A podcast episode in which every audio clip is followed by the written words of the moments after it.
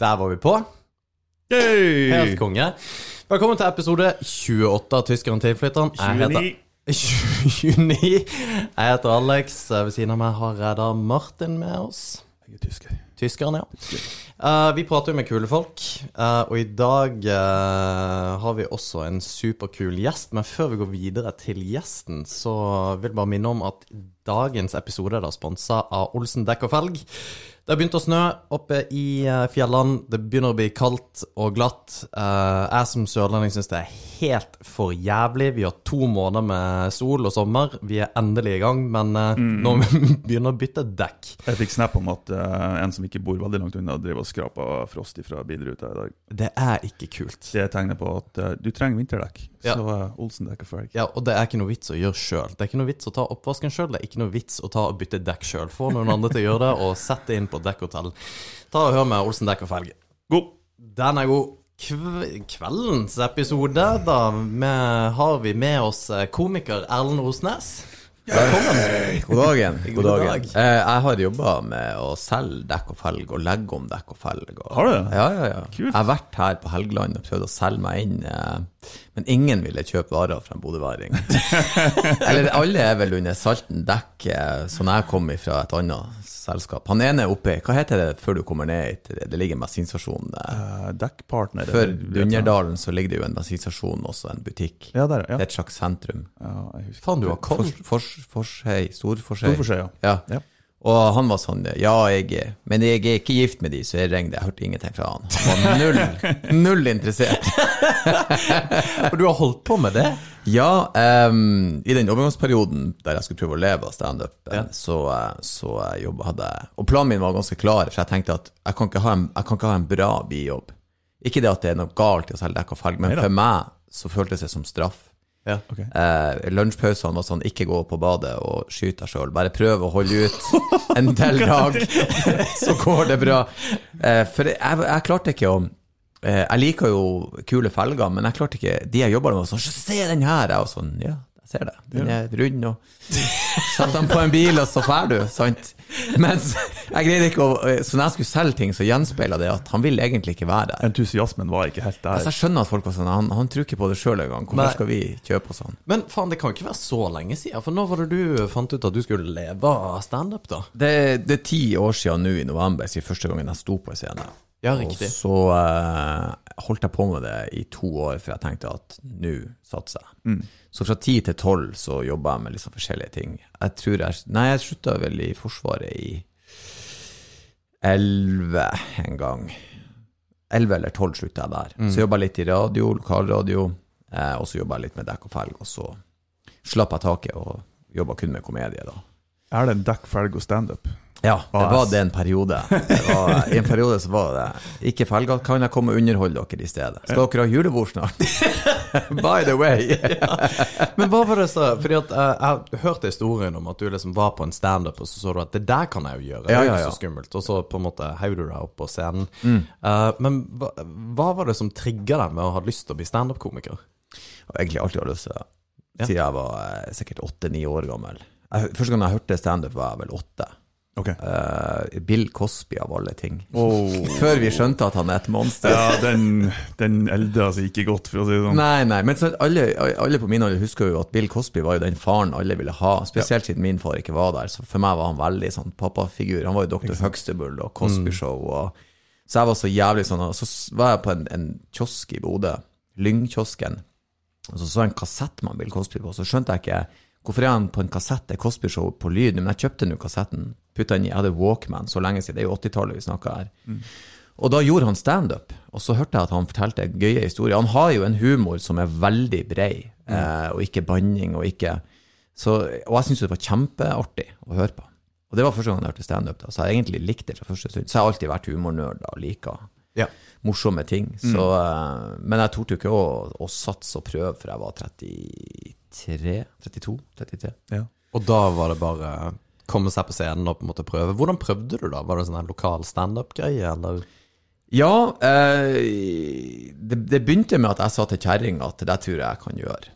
Og hun sa selvfølgelig kan du gjøre det, for hun er, hun er veldig sånn Hva enn du vil gjøre, så hun er veldig sånn det er så flink å å støtte. Ja, ja, hun, uansett, jeg, og jeg er jo en sånn mann som kommer hjem og er sånn Terrengsykling, ja, gjør det. Rulleski, ja, Erlend, gjør det. Altså alt jeg kommer hjem med, så Jeg kjøpte sånne svære jævla sko, så ei sånn stor springfjær. Hun bare ja, ja, ja, men, men ha på deg hjelm, Erlend. Og så sender hun meg ut, og så vet hun at det går en stund, så er han ferdig med det. Så finner han noe nytt. Så Ja, men det er herlig. når jeg kom hjem med standupen, så var hun veldig sånn Yes, det må du gjøre. Og, og det er rett som du sier, vi var i New York på Comedy Cellar, og så så vi, så vi komikere.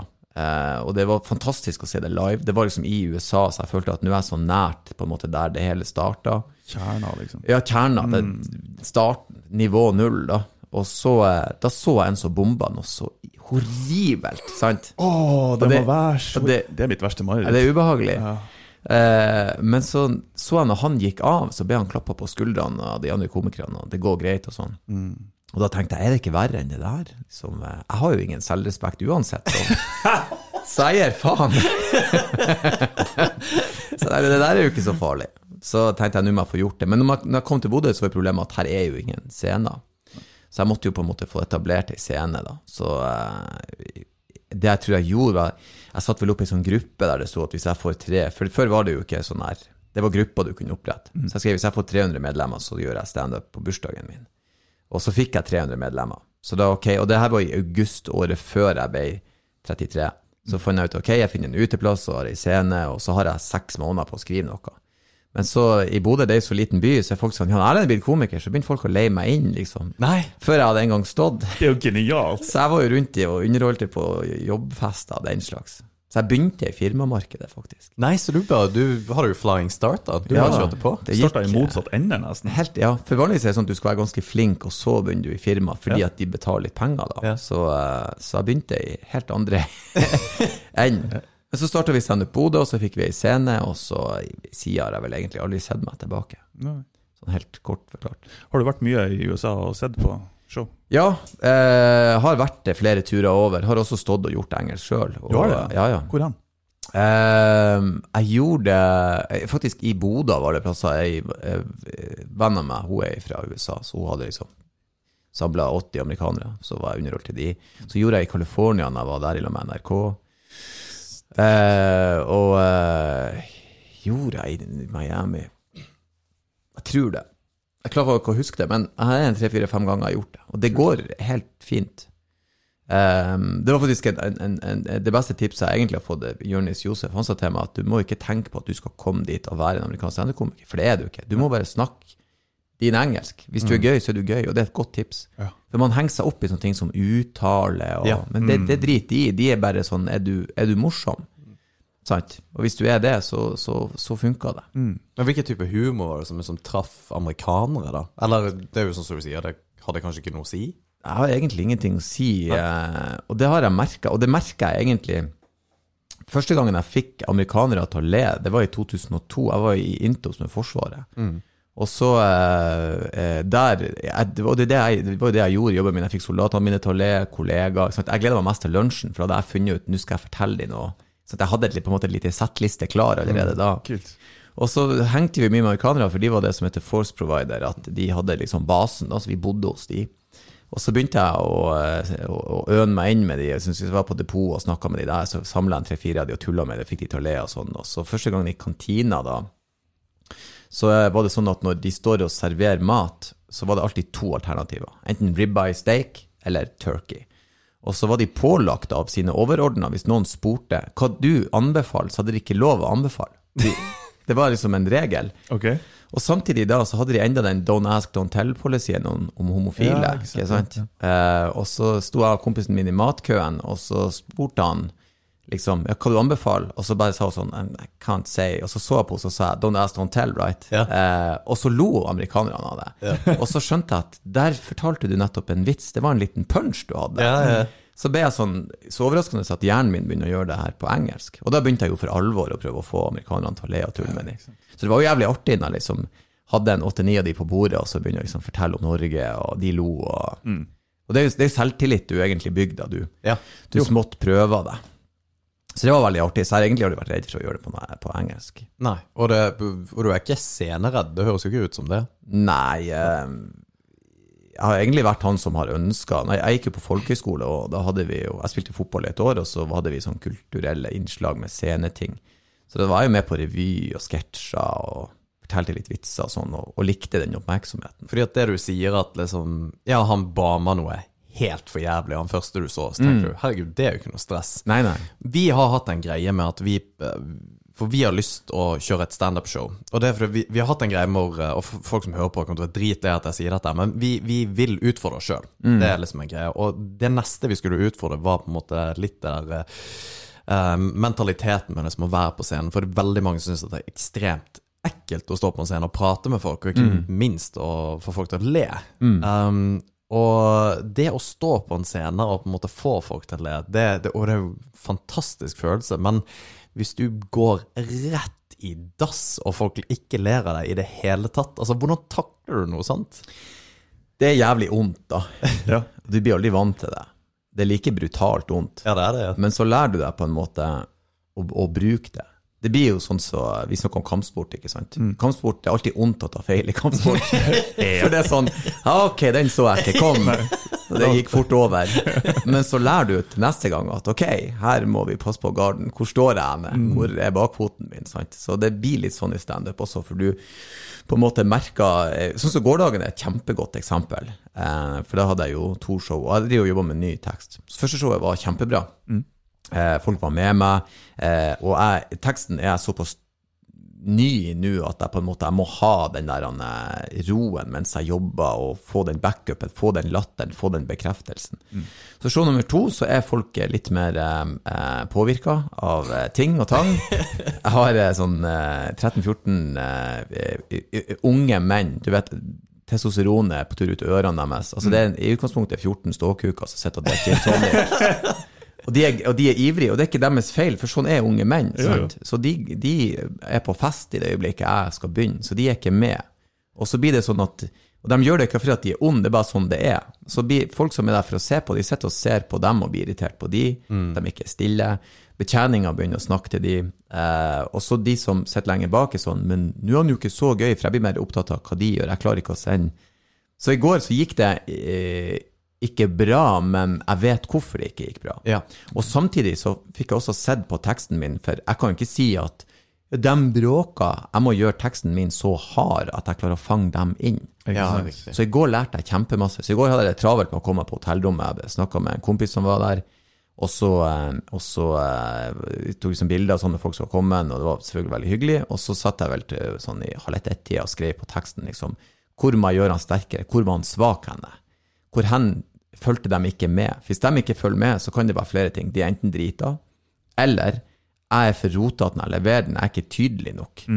Men husk på at, at hvis dere går forbi et gitt kjøpesenter, og så ser dere hvor parkeringsstrekene går, det er i alle fall fire av ti som ikke greier å plassere bilen mellom to streker. De skjønner ikke det. Og husk på at de skal jeg snakke til òg, de fire der. De må forstå det premisset. Så det må være ganske enkelt. Her i Rana tror jeg det er ni av ti, men eh, Ja, sant, altså, men du vet det, han fyren som står eh, midt i rulletrappa og sier sånn Å, gud, han må skjønne hva jeg prøver å fortelle. Så det, og da er det, da er det nyttig. Ja. Men hvis du kun liksom Veldig mange er jo veldig flinke, men klarer ikke den bombinga, klarer ikke de scenenervene. Og kommer seg aldri videre. Men uh, det må man bare. Hvis ikke så har du ikke noe å gjøre, på en måte. Men du, du har nerver før uh, Å ja, ja, ja, ja, det går ikke vekk. For det er noe annet enn sceneskrekk. Ja, det er noe annet enn sceneskrekk. Altså, nervene er der, Spenner. Og det som dere ser må utfordre seg sjøl, det er derfor jeg gjør det her. Fordi at det er jævlig skremmende å få en idé. Og så er alltid den der tanken, ja, kan jeg si det? Det er jo helt sinnssykt. og, så, og så er det sånn, ok, i så fall, hvordan kan jeg si det for å pakke det litt inn, ikke sant? Eh, så det, det er veldig artig eh, og utfordrende. Ja. Og så er det den panikken, liksom. Ok, jeg er ferdig med et show, kast det unna, begynn med noe nytt. Jeg har ingenting. Så begynner du å jobbe med en liten ting, og så blir det litt, og så har du fem minutter. Nå har jeg plutselig et kvarter, nå har jeg 20 minutter. Og nå har jeg en time. Nå har jeg en og en halv time. Du må presse det sammen til en time igjen. Så det blir som at du hele tida fjerner de svakeste leddene for å bygge showet. Det er jævlig artig, rett og slett. For det, det, det showet du hadde i går på Cox, eh, var det to på samme dag? Ja. Ja. Eh, det var kun nytt materiale. ja, det er den nye teksten jeg Det jobber er med. nye tekster. Ja. Så har jeg har en 40-45 minutter i tillegg til den timen jeg testa i går, som jeg også da skal jobbe med. Neste gang jeg kommer ned hit. Og så de to blir på en måte pakka sammen, og så fortsetter jeg med det, da. Så ser vi hva det blir til. Så du, du lager saft, samler mye bær, og så ender du opp med lite grann til slutten der. Men det er interessant hvor analytisk du er. Mm. Og, og, og det er veldig mange komikere som vi har snakka med i det siste. Veldig mange. Vi har snakka med to før der, da. Og, og de er på samme måte.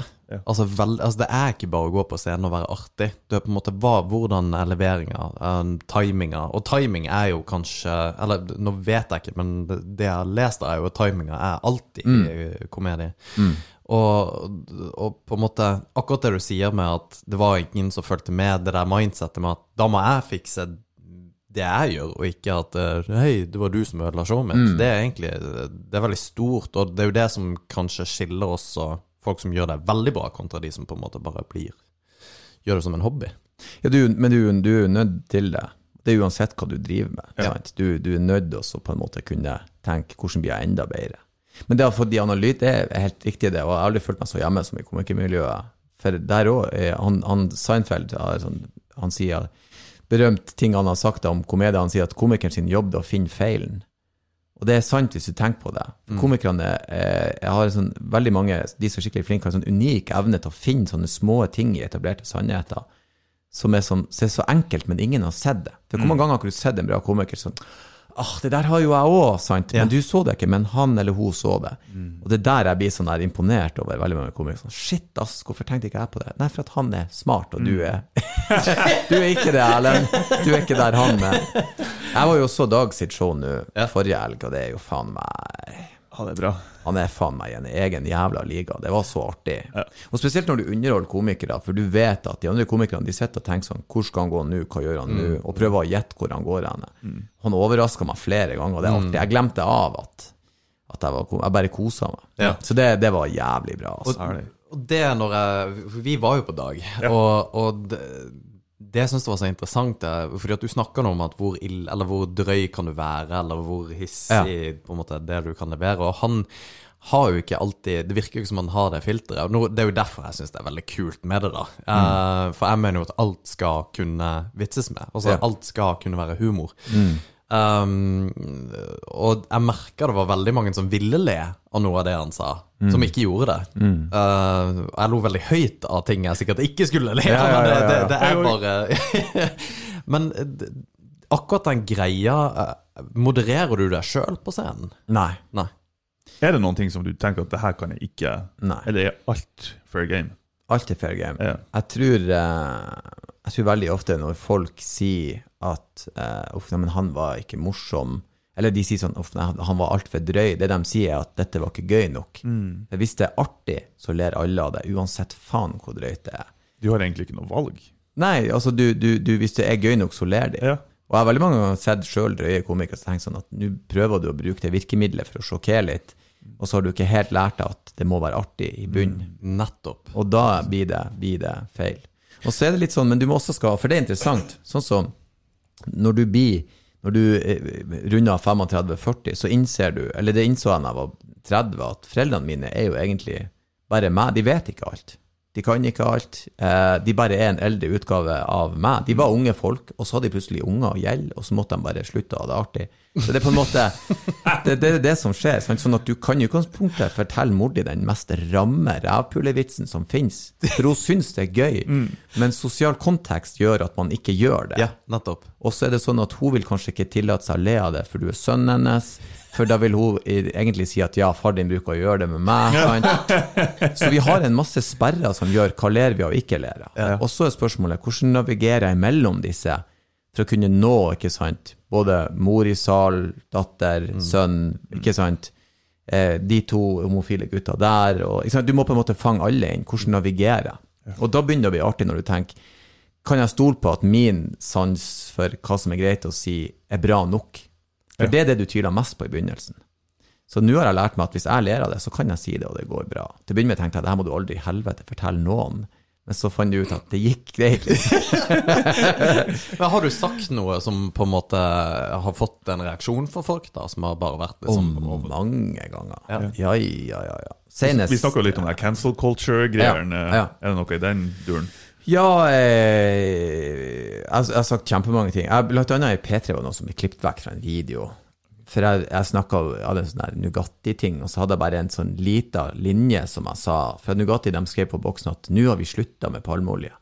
Så ble jeg sånn, det er ikke noe dere skal fremheve. Det er jo noe du forbigår i stillhet. Du bare selger boksen uten å si at du har solgt gift. Det blir som å si at liksom, katolske kirke, vi har slutta å knulle småunger. Du sier ikke det, du bare på en måte prøver å bygge tillit, og så er vi stille om det. Og eh, den der den kjørte jeg ut på morgenen da, i P3, det var sånn kvart over sju om morgenen, og da, da var produsenten litt misfornøyd. Å, ja. Og så klippte de den vekk fra en sånn video som kom etterpå, for selve biten var gøy da, men akkurat den tok de. Og da kom det vel en par-tre sånn her. Dette kan man ikke si. Men så er det sånn at det kan man. Jo, det kan. Jeg gjorde det nettopp. Ja. Jeg gjorde nettopp det. For et kjedelig samfunn det blir hvis vi ikke har lov til å gjøre det, altså. Eller hvis det ikke er folk som faktisk forteller sånne vitser. Ja, altså, men så tenker jeg også at eh, problemet som vi gjør i dag, er at vi, vi har laga ei rettesnor som går etter eh, minoritetene. Sånn som hvis vi skal snakke om likestilling, så henter vi inn den hissigste feministen i landet. Det er klart, du kan ikke spørre henne om hva hun syns om likestilling. Det, det, det blir som å dra til sidene og spørre om innvandring. Du får et svar som ikke nødvendigvis er det alle mener. Men vi har en tendens til å gjøre det. Se på debatten i NRK. Vi henter alltid sine ytterpunkter. Så vi som går i midten, vi blir usikre. Jo, men jeg er jo verken eller med noen av de. Men vi vi blir på en måte hekta oss på, og så velger vi enten A eller B. Svart eller hvitt. For det er ingen gråsoner. Og så går vi rundt og tror at ja, alle er fornærma. Nei, det er en par folk som ikke fikk pupp når de var liten, som har en omsorgssvikt i bunnen der, og som egentlig burde fått hjelp fra helsevesenet. Men de sitter på kommentarfeltet og hamrer, Ja. og så tror vi at dette er gemene oppfatninger. Men du fikk en ølbokskaster etter det. Mm. Jeg, han traff, ikke etter han traff meg midt i fjeset. En, en full ølboks. Ja, ja. Ja, det kan være Det kjennes vondt ut. Å, satan. ja, hvordan eh, Hva var greia der? Hva skjedde? Nei, altså, i, i utgangspunktet så eh, hadde show, um, jobba med ny tekst, en ganske sånn Jeg visste at i denne teksten er det såkalte trigger words, men eh, jeg tenker jo at det er de, det er de ordene vi skal bruke. Det er så rart at vi har havna en plass der vi har enkelte ord som er ekstra farlige. Ja. Hva faen er det som helt skjer? sykt. Ja, det, det er Det er helt sykt. De her lydene, de her spesifikke Ja. lydene du lager med ord, akkurat den lyden, Den lyden der er ikke bra. Den kan du ikke dra ut. I alle fall så eh, Jeg sa ordet mongolid i showet. Okay. Og jeg så det mange ganger. Brukte det. Eh, og så var det en mann da som kasta en ølboks i fjeset mitt da jeg sa ordet mongolid. Eh, I ettertid så det vises at han har ei datter som har Downs syndrom. Så han har jo eh, et annet forhold til det ordet enn jeg har. Og eh, han har eh, Ja, jeg vet ikke hva som gjorde at han reagerte sånn, da. Men eh, det gikk nå greit. Jeg, jeg på en måte ble litt overraska, så jeg gikk av scenen, og så ble han kasta ut, og så kom jeg tilbake og gjorde show. Men jeg har jo prata med han i ettertid. Du har det, ja? Ja, ja, ja. Hva, hva var rasjonalen Nei, altså, han eh, Jeg vil tro at eh, Det er vanskelig å si egentlig helt hvorfor. Jeg tror ikke helt han sjøl vet. Det må sies at alkohol var inne i bildet. Som alltid gir deg dårlig dømmekraft. Han kaster jo litt av den ifra seg, da, men Ja ja, men jeg tror ikke det var den første. Og det, det som er så ironisk, at det er ganske mongo gjort å hive en boks på det. Det sa han Kevin Kildahl lå like etterpå. Oh, ja. Så eh, Nei, jeg prata med han, og jeg, jeg skjønner at han er følelsesmessig engasjert, og jeg har også eh, barn, så jeg vet at jeg kan òg bli revet med. Så jeg, jeg, jeg avskrev det ganske kjapt som sånn Ok, han er følelsesmessig engasjert i det, og han fikk ikke helt med seg hva jeg sa. Det er egentlig ikke noe sak. De som gjorde det verst, det var jo media i denne saken her. For de ødela jo både for han og meg. Eh, for han fikk jo en, en, en Altså, jeg fikk jo en, en mobb med sinte mennesker som sendte meg drapstrusler og alt mulig. Eh, og så fikk jo han en mobb med sånn gærninger som 'Man kan si hva man vil, og du er et jævla Det fikk jo han etter seg. Og klart, han er jo Han sivilist, han er jo ikke vant til det. Så det er klart det er skremmende for han. Og jeg syns jo synd i fyren, det er jo ikke det som var meninga. Og her kunne jo media bare ha Det var jo en ikke-sak i utgangspunktet. Men så vet de jo at hvis de kan skrive NRK kjendis, som de da skrev, og ropte mongolid, eh, og gjorde narr av barn med Downs syndrom, så får de klikk, ikke sant? Det vet de. Dette selv. Um, så, integriteten ja, ja. Åh, den er så plukke fette råtten. Der er ikke en jævla gram igjen i noen aviser. Synd, men sant. Ja, det, ja, jeg er helt enig. Så det er klart, eh, sånn uheldig episode, men så for meg veldig lærerikt. Jeg har jo ikke slutta å si hva jeg vil si. Nei. Eh, Har du begynt å si det på en annen måte? nei. Nei. Nei. Hvor, hvorfor? Nei, jeg er helt enig, Ja, men vi, vi diskuterte litt der, for vi, vi har jo diskutert litt, og vi skal ha et show, og hva vi skal gjøre for noe. Og, og vi hadde tenkt å ha en sånn oktoberfest-episode, og Martin, som er tyskeren, han liksom sa ja, kanskje jeg skal ta på meg en sånn naziuniform. Og, Det har jeg ikke sagt! det, var, altså, det var under bordet, bare for køddet det. Altså, men det, det er jo det som er tingen. Er det en ting i Norge du ikke kan kødde med, så er det nazister, virker det som. Og i hvert fall ikke jeg som Som er. halvtysker. Liksom. Jeg tror jo nå eh, så kan du kødde med det. det. Det som er bekymringsverdig, er at vi har beveget oss fra 'dette kan ikke tulles med' til eh, Vi har på en måte passert det. Vi er gått nå på 'dette kan du ikke si'. Ja. For vi gjør det med Sian, blant annet. Og når de her nynazistene marsjerte i Kristiansand, så selvfølgelig, jeg tenkte faen for en gjeng med innavla, skjetne jævla idioter. De skulle ha vært skambanker. Men de må få lov å marsjere hvis de vil det. De må ha lov å si hva de vil si. Sammen med Sian, sant. Enn så Altså, jeg hørte jo på den talen til han der lederen. Fyren er jo fette gal. Det er synd i han. Altså, egentlig, ja, men egentlig så, så burde man ha sagt liksom man burde ikke ha møtt opp i så store tall og legitimert deres eh, tilstedeværelse, for det er det du gjør. Man burde egentlig bare latt det forbigå i stillhet og så sagt til han at du, kan ikke du komme bort etterpå, vi har litt vafler, litt saft, og så kan vi snakke om hva du mener. Kan du forklare oss heller hvorfor? Og så prøvde jeg å diskutere det med han, i stedet for å gi han den legitimiteten. For han følte seg jo mektig når så mange Jo, jo, jo. Anerkjenner hans tilstedeværelse. Men så er det liksom, ja, det er ikke lov å si det han sier. Så er det sånn, ja vel. Og så er det sånn, ja, det, det å øve vold mot ei bok er som å øve vold mot Men det er sånn, er dere fette gale? Ja, Er dere fett? Jeg elsker Arthur Arntzen, men om noen setter fyr på den berømte nordlendingen, så gjør det ikke meg noe. Det er din bok. Jeg bryr meg ikke. Jeg har min egen, den har ikke jeg tenkt å brenne. For problemet er at vi går på ytterpunktene hele tida. Ok, nå fjerner vi de ikke Mm. sant, som sa noe hatefullt. Ok, han fjerner vi nå. Og så Ytterpunktene er jo alltid de ytterste. Ja. Og den dagen der jeg står ytterst, den er plutselig der. Ja, han sa et ord, og da fjerner vi han. Ja, og det der med sensur er ekstremt farlig samfunnsmessig. Mm. At du sensurerer noe, men ikke andre, for da blir hele samfunnsdebatten òg skeiv. Altså, da Si at du eh, Ja, det er jo bare det med tyske Altså tyskerne altså tyskerne i andre verdenskrig, at nazistene faktisk kom frem, og at man på en måte Ja, det var lov å si noe, men ikke annet. Altså Det er ytterpunktet av hva som kan skje, og folk forstår ikke det der. At det, det må være lov med alt. Ja. Og, og det er farlig med å sensurere enkelte ting. For hvem er det som bestemmer det? Ja, det er lett å forsvare ytringsfriheten når den gang deg sjøl, men når den gang noen andre, så er det jo Ja. Eh, ja. Men de greier ikke å Det som jeg syns er så eh, utrolig, det er at vi mennesker, vi lærer jo aldri.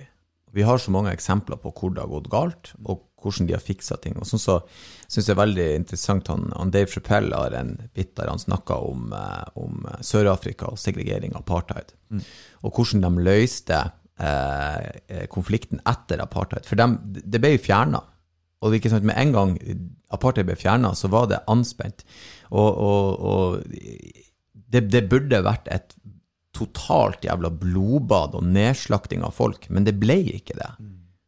Mot egentlig all tidligere historikk. Og det var fordi at å si, eh, eh, Desmond eh, Tutu og Nelson Mandela og gutta, de skjønte at de hvite menneskene som undertrykte, var født inn i et system som ikke nødvendigvis var deres oppfatning, men det var systemet som hadde gjort at de handla galt fremfor. Så det eneste de kunne gjøre, var å finne ut hvor fiksa vi systemet, la folk fortelle hva de har gjort, og la dem få vite at ok, men vi kan gå videre. Men og så er det sånn, det er det, Jeg får alltid frysninger når jeg snakker om det, for det er så smart, det er så lurt, det er så to the point. Men så gjør vi det ikke mer. Vi gjør ikke det. sant? Man sier ikke det at Trond Giske tafsa fordi han vokste opp i ei tid der det var mer akseptert, og han var en maktmann. Man sier ikke at han kan være prega av et system, man sier han er en ond jævla drittsekk, og sånne menn, sier man. Men det er jo ikke sant. Det er jo ikke sant. Jeg tror ikke han vet at han er creepy. Jeg tror ikke han vet det, men han vet det nå, og nå har vi alle lært noe. Men det kan vi ikke si. Vi skal fortsette å polarisere, ha to sider. Så blir jeg sånn her Å, for helvete, da. Ja, og hvor, hva- hvor mange ganger skal vi gjenta det her, Og, og hvor- hva er løsninga? Ja, nettopp. Hva er løsninga? Ja, hvor ender vi opp hen? Ja. Og, og, og eh, og det her er også, han Dag hadde det med i sitt show, eh, um, sånn som nå driver vi på skal gjøre det ulovlig å si hatefulle ting. De som hadde lover og strenge regler mot eh, eh, å gjøre narr av folk og, og si hatefulle ting, det var Nazi-Tyskland på tidlig 20-tallet. Ja, og vi vet alle hvordan det gikk. Vi kan, som du sa, vi kan ikke begynne å så- også Noen skal få si noe, noen skal ikke få si noe. Og vi skal avgjøre hva som er rett og galt å si. Det, den er uforbeholden for alle. Sånn er det, det var jo hele, hele greien med Jordan Peterson i, Canada, og de skulle eh, De lovfesta at du Eller det var et eller annet Det var et, et tvungen Uh, Ja, han, hun, hen. Ja, liksom det var med, med, med, ja. kjønnsroller og, og liksom eh, Kjønn er jo kjønn på norsk, mens kjønn på engelsk er jo altså sex, sex and gender. Det er jo to forskjellige ting. Ja. Ja. Uh, og der var det tvungen snakk, rett og slett. Forced. Du, Lov- du, du måtte kalle folk det de identifiserte seg som. Og det er første gangen der regjeringa har lovfesta at du må si enkelte ting. Men er det fritt vilt, da? Kan man, kan man på en måte da kalle seg hva som helst? Ja. Ja, Det var liste over sånn 40 forskjellige problemet er jo hvordan i faen skal jeg vite det? Nei, det går ikke an. Det blir som om jeg skal gjette hva folk jobber med, og de blir drit fornærma hvis ikke jeg visste det. Ja, du er mekaniker. Datavisualiserer! Takk! Nå skal jeg anmelde deg, din hatefulle jævel. Det er sånn Jesus, det er umulig å vite hva som skjer inni hodet ditt. Sant. Da må dere akseptere at det blir litt feil. Ja. Det, som var, det som var skummelt med Norge, er For i Norge så tror vi at vi ikke Vi er veldig påvirka av venstresida. Og jeg anser meg som sjøl på venstresida, men jeg anerkjenner også at venstresida ødelegger for seg sjøl. Vi adopterer ting som egentlig ikke er et problem. Eh, og og Jordan, Jordan Peterson var her i Norge, og folk kalte ham for nazist og, og, og sexy. Ja, helt. Så det er sånn Nei, dere har bare adoptert noe fra noen gærninger i USA og presentert det som om det er sant. Jeg har lest boka hans, og det, altså, han er jo ingen av de tingene han anklages for å være. Og jeg spurte, jeg, jeg skrev på Facebook, seriøst, hva har han gjort? Og ingen kunne gi meg noe konkret. Nada. Og hvis du googler det, så er det ikke noe der som til. Han er bare en mann som føler at du skal kunne si hva du vil si, og det skal ikke være noe galt i å være maskulin og være en mann. Ja. Det må være lov å være det.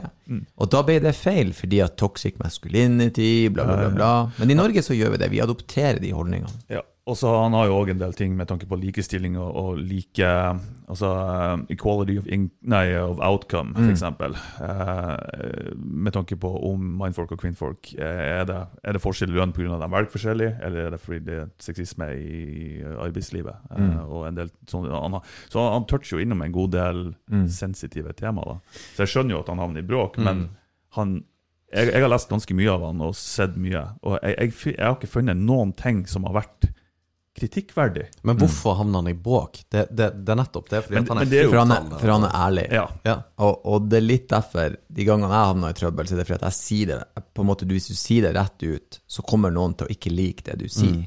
Eh, og eh, jeg, jeg har jo en tekst nå som går på liksom, om damer. Var, jeg var i Bergen, og det var det ei dame som ropte Det er what about this om? Sant? Fordi at du liksom har et det, er liksom, er sånn er det damer enn dette med menn, da. Så blir debatten ja, enn vi, da. Og det er ikke det jeg er ute etter. Jeg prøver å belyse at vi er en del av samme systemet. Altså, eh, Jentene sliter men det, gjør også guttene, og hva gjør vi samla? Og, eh, og det er klart eh, du, vi, du, vi kan ikke ende opp på en plass der vi ikke evner og kan kunne snakke i lag. Der hvis du sier noe som er sant, så har du ei viss holdning, og du er sexistisk, eller du hater damer. Jeg hater ikke damer. Men jeg klarer ikke å få det som på en måte blir forklart til meg. At damer ikke bestemmer. Sånn som den DNB-greia. Damer skal kjøpe aksjer, hun styrer Hun verden. investerer. Ja, hun investerer. Ja, nei, det, Det første, kjære, jeg, tror, jeg tror ikke damer er så dumme at de tror at DNB vil hjelpe dem til å bli mektige. DNB vil ha pengene dine, Mm, det er det som er enden på vis. og, det, og hva brukte de for å få lov å bruke den Beyoncé-låta? Så det skal tjenes inn igjen, Ja. sant? Eh, og det andre er, eh, menn eier heller ikke verden. nei. Selv om det er flere menn som er mektige av penger, så er ikke det Jeg eier jo ingenting. Det gjør ikke dere to heller. Jeg har ikke, De fleste menn jeg kjenner, de er akkurat sånn som damene jeg kjenner. Men igjen, La oss sette de opp mot hverandre. Og det, det er nettopp det der at det, det er et narrativ, eh, narrativ nå på, på at man på store selskap bruker hele den feministdebatten, eller den eh, k- Kanskje ikke kall det feministdebatten, da, men den eh, vinklinga for å selge seg sjøl. Det er jo samme Gillette-videoen i USA, denne reklamen som bare Altså, den er helt for jævlig. Det med at eh, Det er jo toxic masculinity, og der, der er det toxic å være mann. Ja, det er så Altså, trist. Jo, jo. Ja.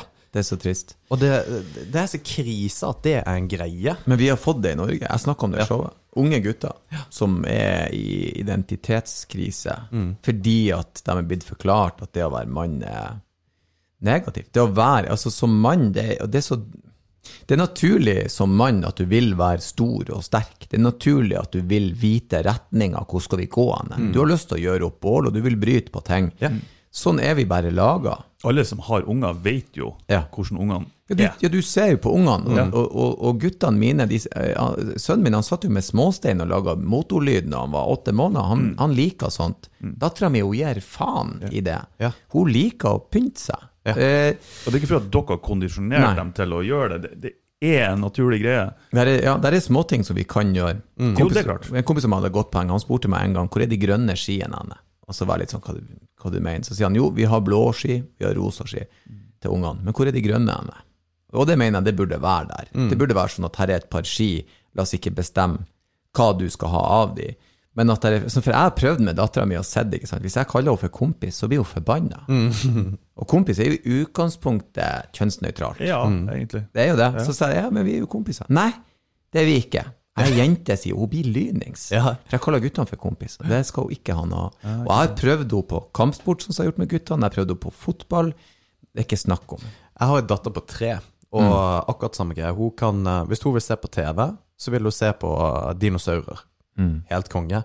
Men det var veldig tidlig hun ville ha på seg kjole. Og det var det hun ville ha. Ja. Mm. det, det er ikke og, Altså, det, det, det bare er iboende, men vi skal liksom Det skal ikke være forskjell på oss.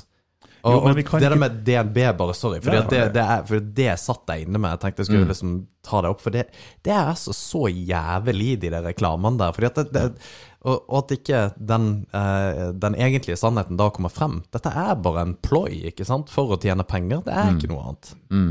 Og det, det er nettopp det. Det er en, det er en, det er en Altså, hvis du ser på det etiske i det, så kommer man begynne å stille seg spørsmål med DNB, hva er det dere driver med? Dere forvrenger veldig. Vi er nesten på avisoverskriftnivå på hvordan dere velger å selge produktene deres. Eh, og det syns jeg er veldig sånn eh, Ja, men i helvete, da. Men har du sett denne ene videoen? Altså, har, Nei, jeg tror ikke det. Når de kommer marsjerende med den ja, der sangen ja, for der er det sånn det, Hele videoen begynner med en sånn grå eh, sånn filter over, hvor masse menn står oppreist og liksom filmer over, og så, det sånn, Å, så, så, kommer det som, så kommer damene inn og liksom tar over og greier. Mm. Og, og det er så jævlig drøyt, det. Det er sjukt. En ting er at det, det, det, det rakk ned på menn i sin helhet, men en annen ting er at du tror da virkelig at kvinnfolk er så dumme at de ikke ser gjennom det der? Damer skjønner jo det her helt åpenbart. Og så er det jo også sånn at um, jeg skulle ønske vi kom til et punkt der vi på en måte kunne highlighte at det er ikke nødvendigvis hvorvidt du, du står eller sitter og tisser om hva du velger å bli her i livet. Så jeg ser på Erna Solberg. Hun er jo dratt mot makt. Maktmenneske. Hun er en sånn type person. Sylvi er det. Eh, det er flere eksempler. Gahr Støre er det. Vi er, jeg er jo ikke det i det hele tatt. Jeg skyr jo ansvar. Jeg vil jo ikke ha noen under meg. Jeg har ikke lyst til at noen skal være avhengig av mine avgjørelser, for jeg tar feil, og jeg vet det. Jeg får ikke ta avgjørelser for meg sjøl. Ja, sant? Så jeg forholder meg unna. Men vi skal alltid ha det det eller det. Det er jo bare å se på, eh, se på Hillary Clinton. Hvor mye blod har ikke hun på hendene sine? Hun er jo faen meg en krigshisser. Fette gal. Og alle bare 'I'm with her'. Er du virkelig det? Ja, er du virkelig det? Men det var et godt eksempel på at da adopterte vi bare noe fra USA, og så kom det inn her, og så ble det sånn i Norge òg, på en måte. Det er klart det er lett å være med henne når alternativet er han der jævla psykoen eh, på andre sida. men, Jeg skjønner ikke hvordan det der gikk for seg. Men det Nei, var, Jesus. Og hvordan det kommer til å bli, da. vet du hva, jeg tror faen meg han blir verdt igjen.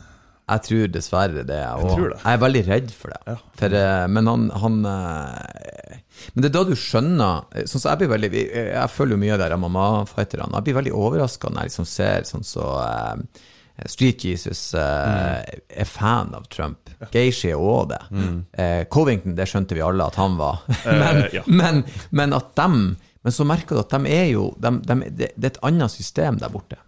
Men vi tror er- at de er like oss, men de er jo ikke det. Nei, også, det er, ikke, det, er ikke ba, det er jo ikke han som figur, men det er på en måte det der eh, Der er det jo en ekstrem polarisering. Men det er fordi at du kan enten velge det ene eller det andre. Det er liksom, ja, det, det. ja, det er helt sjukt. Hva det er 320-30 millioner mennesker i Ja. USA. Og dette var de to beste de hadde. Ja. Og det er jo ikke det. Han der Biden er 107 år eller noe sånt. Han kan nesten ikke snakke. Han kan ikke prate. Ja, ja, og, og leke urin og høre dårlig. Jesus!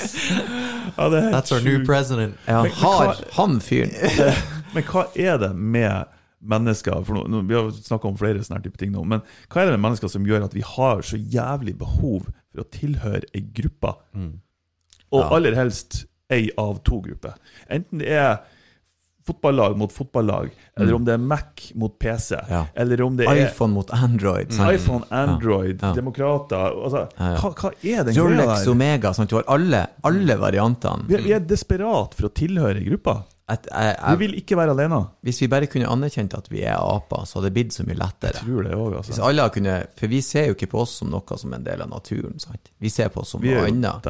Ja, ja. Men vi er jo aper, bare at vi er hårløse og sitter i hus. Mm. For at etter Noen knulla en alien for noen år siden, så ble vi bare en sånn rar hybrid. altså, det er mange teorier på hva som skjedde. Men jeg tror vi er et avvik fra naturen. Eller vi er jo det. Vi er de Ja, eneste vi er ja, vi er de eneste som lever sånn som vi lever, og så vil vi ikke anerkjenne at vi er dyr.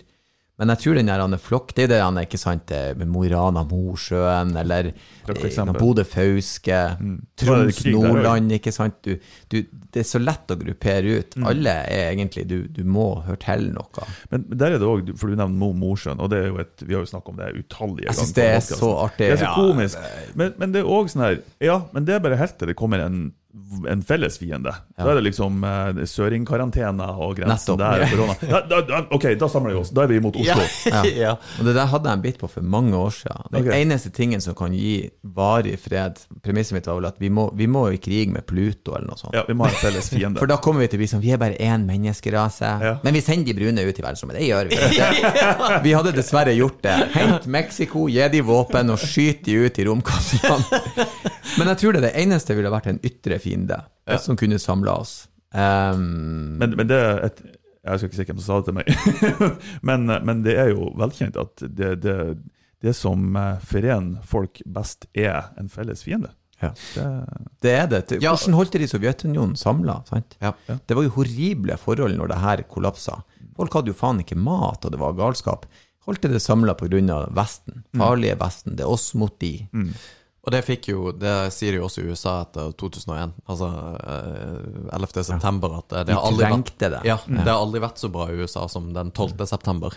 Det var liksom bare eh, Alle forguder politi og brannmannskap. Men har vi ikke fått en felles fiende så det ikke funker da gjennom det her koronaviruset? At det der er det Nei, du vet at her skal vi Kina-viruset, som han sier. ja, at ja, ja, ja. Det er så rart å høre han stå og kalle det for det. Han er så, han er så frekk.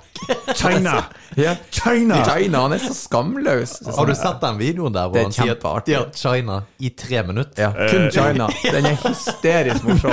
China, China, China. Men, men det er jo eh, Man kan jo trenger ikke å se lenger enn til, eh, enn til Julie og Behring Breivik, liksom. De dagene etter der, eller månedene etter der. Glemt. Norge var jo forent Ja, ja. til de store Vi gullmedaljene. har dessverre glemt det. Ja. Det er borte. Ja. Eh, det, det er. Men, men ab- når det kommer til Kina, så har faktisk han Trump et poeng, for Ja. de er begynt å eh, Det er ikke bra. Nei, det er et eller annet som skjer der. Og det er jo et land som bare driter i menneskerettigheter. Altså det, det, de gjør det Jo, jo. Og, og de har slaver, så det Nå bruker de markedskreftene sine eh, til å påvirke filmene våre. Så, Mm. så Hollywood nå, dette med, med Taiwan f.eks., Mm. det at de har de arbeidsleirene med uigurene altså Hollywood var jo og filma denne Mulan-filmen i det uigurdistriktet. Arbeidsleirer er liksom like borti gata. Og kan liksom ikke gjøre noe med det. Sjukt, altså. Men de er så store at de kan. Ja. Og de, de lykkes jo ja, med det. markedskreftene er så store. Altså, de, eh, USA har jo så mye gjeld til Kina at de er vel i utgangspunktet kinesiske nå, amerikanerne. Mm. Det er jo ikke noe Det, det er lite som skiller, før de bare kan plante flagget rett ned og si at vi, vi eier dere. og, Men den diskusjonen går jo heller ikke an å ha. Skal man, ha, skal, skal man kjøpe Huawei-telefoner eller bruke TikTok Mm. det, det Altså, look into it, holdt jeg på å si. Det er jo farlig å si det. TikTok bruker jeg hele tida. Ja. ja. Faktisk så er det sånn at hvis vi Hvis vi eh, hvis, Det er en enkel, men det, det er ingen som vil ha det. Svaret er enkelt, men ingen vil ha det. Hvis at vi skal ha det bærekraftig og satse lokalt, så kan du ikke kjøpe billige sydenturer til Syden. For det er ikke bærekraftig. Da må du feriere f.eks. i Trøndelag. Og det er dyrt, og det er ikke det du egentlig vil ha, for du vil ha palmer. Hvis du skal ha noe bærekraftig, så drar du og kjøp eh, håndsydde italienske eller skinnsko til 5000 kroner. For den, den mannen som sitter og lager det, han brødfører familien på det. Eh, og han lager ikke så mye av det heller, for det har han ikke kapasitet til. Det er bærekraftig. Men du velger å kjøpe Nike-skoen som er laga i Kambodsja av barn med blødende fingertupper. Det er billig, sant? Ja, De blir shippa oppover hit. 100, nei, 399 et superpris på XXL. Det er det du velger. Men ingen, for Jeg har ikke betalt 5000 for sko, ikke sant? Men det er det du burde gjøre. Du burde kjøpe Cohen jeans til 5000 kroner, for det er bærekraftig. Men vi skal, vi skal ha mye, det skal være billig, og så skal vi gjøre hva vi vil. Er Og så skal vi liksom, helst ikke tenke over konsekvensene. ja, det er sant, det. Sånn som når MDG sier at det må bli dyrere å fly, så klikker jo folk. Men, og jeg litt òg, men samtidig så Vi må nesten. Vi, vi er på det punktet der. Vi er jo eh, hyklersk som ja, er det liksom. helvete? Jeg handler jo veldig med en gang jeg kan. Ja, ja. ikke sant? Det, det, det Men det, vi, vi snakket, jeg tror vi har nevnt det òg på en av de første episodene, for da snakka vi om Behring Breivik og Mm. terror og liksom, ja, demokratiet, og det var liksom det var så mye fokus på demokratiet i Norge, og samhold, og liksom menneskelighet, og, og altså medmenneskelighet, og hele den greia der. Mm. Og så kan man tenke, ja, men har du sluppet han ut i gaten i Oslo, han? Det har falt i grus med en gang. Alt av medmenneskelighet, og at ja, vi skal ha en rettsprosess som skal være demokratisk, og bla, bla, bla. Alt har falt i grus. Ja, ja. Og så vi Ja, det kollapsa tvert. totalt. Mm. fått- de hadde Så vi har et sånt bilde av oss sjøl om at vi er så jævlig holier than thou. holier than thou. ja. Og hvis push comes to shove, Mm. eh, det detter det imellom Hvis, hvis, du, hvis du ser enda mer sånn her, hvis du ser på eh, Philip Manshaus Mm. kontra Behring Breivik Eneste forskjell mellom de to var at han ene lyktes. Mm. Og så eh, gikk han andre òg på en, eh, en gruppe mennesker som vi ikke er redd av, som er barn og ungdom fra Arbeiderpartiet. Det er to vilt forskjellige mottakelser av de to sakene. Det er samme jævla syke sinne.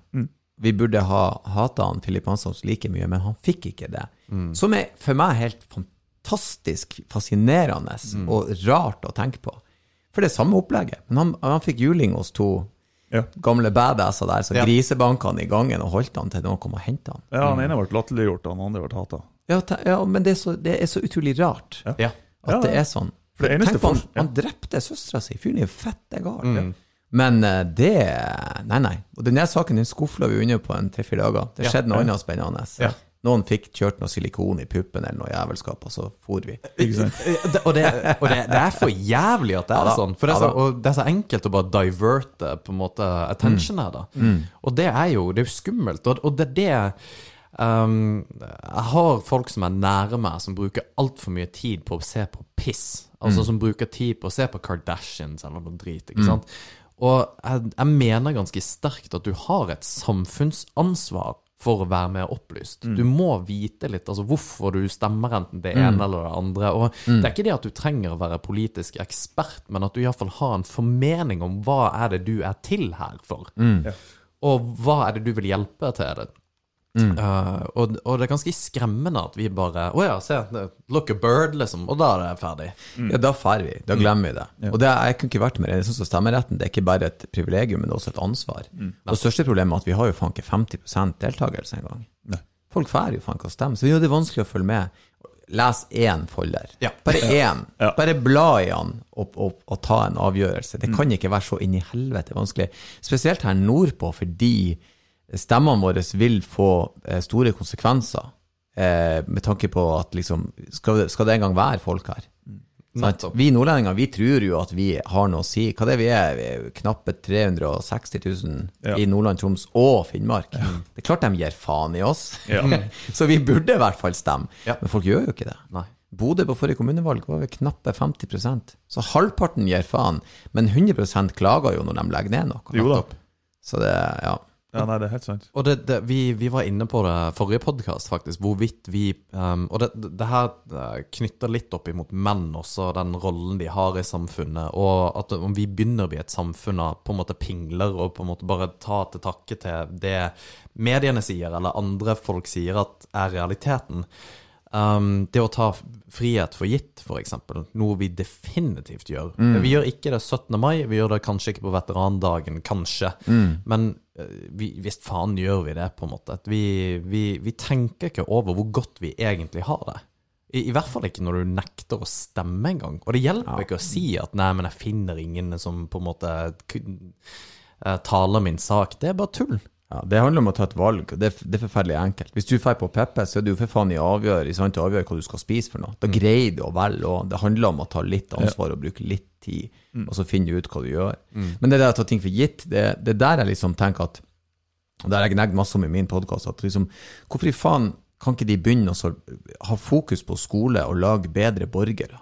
Så fuck algebra, men gjør folk i stand til å reflektere.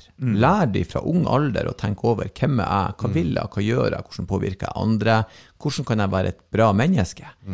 Så heller send bra borgere ut, og så kan vi spesialisere dem når de finner ut hva de liker å gjøre. Eh, eh, altså, Rekk opp ei hånd de som har regna med to ukjente de siste 30 årene. Det er ikke noen, for faen. Så har du jo kalkis på iPhonen din. Ja. Sant? Det blir som å lære folk å, å, å karre ull til å strekke en genser. Vi gjør ikke det lenger. Vi kjøper driten for et barn i Kambodsja. Foran belly òg. Ja. Jeg skjønner ikke, hvorfor kan ikke vi ha fokus på å gjøre det? Og så lærer folk sånn, eh, altså, min, Mine verdier er selvfølgelig forankra i hva man har sett andre plasser. Hvis du har reist litt i verden og sett hvordan folk egentlig har det, så innser du at den der eh, bomringen de har satt opp, den, det gjør ingenting. Den har ikke så stor ikke så stor betydning. betydning. Altså. Det, og du fikk ikke dra på hytta. Ja, ja. Eh, det fins de som har det betraktelig verre. Jeg, kommer, jeg var i Kambodsja for uh, åtte år siden. Så var jeg i Kambodsja, Reiste rundt omkring der. Eh, og jeg kommer aldri til å glemme dette, men vi var i Nom Penda i hovedstaden. Og så går du der uh, du skal finne noe å spise, da. Og eh, disse, disse gågatene er jo ganske små, for å si det mildt. Og der ligger det jo barn og sover. Ja. Og du må trå over en toåring for å ikke trå på henne. Og, og det hvor Jeg får vondt i meg bare ja, hvor hører det. fuck du blir i hodet av det der. Fordi at du kan ikke gi eh, gi noe til en mora som sitter der. Fordi at den ungen er sannsynligvis dopa ned og gjort det fordi at du skal gi noe. Um, men det der verdensbildet du, du, du får en jævla reality check med en gang. eh, hvordan det er kontra å komme her og klage på at det, jeg får ikke dra på hytta, eller eh, altså hva, hva som egentlig er problemet her i verden. Um, ja, det er ganske hissig. Apropos det, så har jo du vært i Forsvaret i mange, mange år. Um, du var i Intops, uh, som er da internasjonale operasjoner. Um, Kan du forklare hva det er for noe? Er det den her store øvelsen?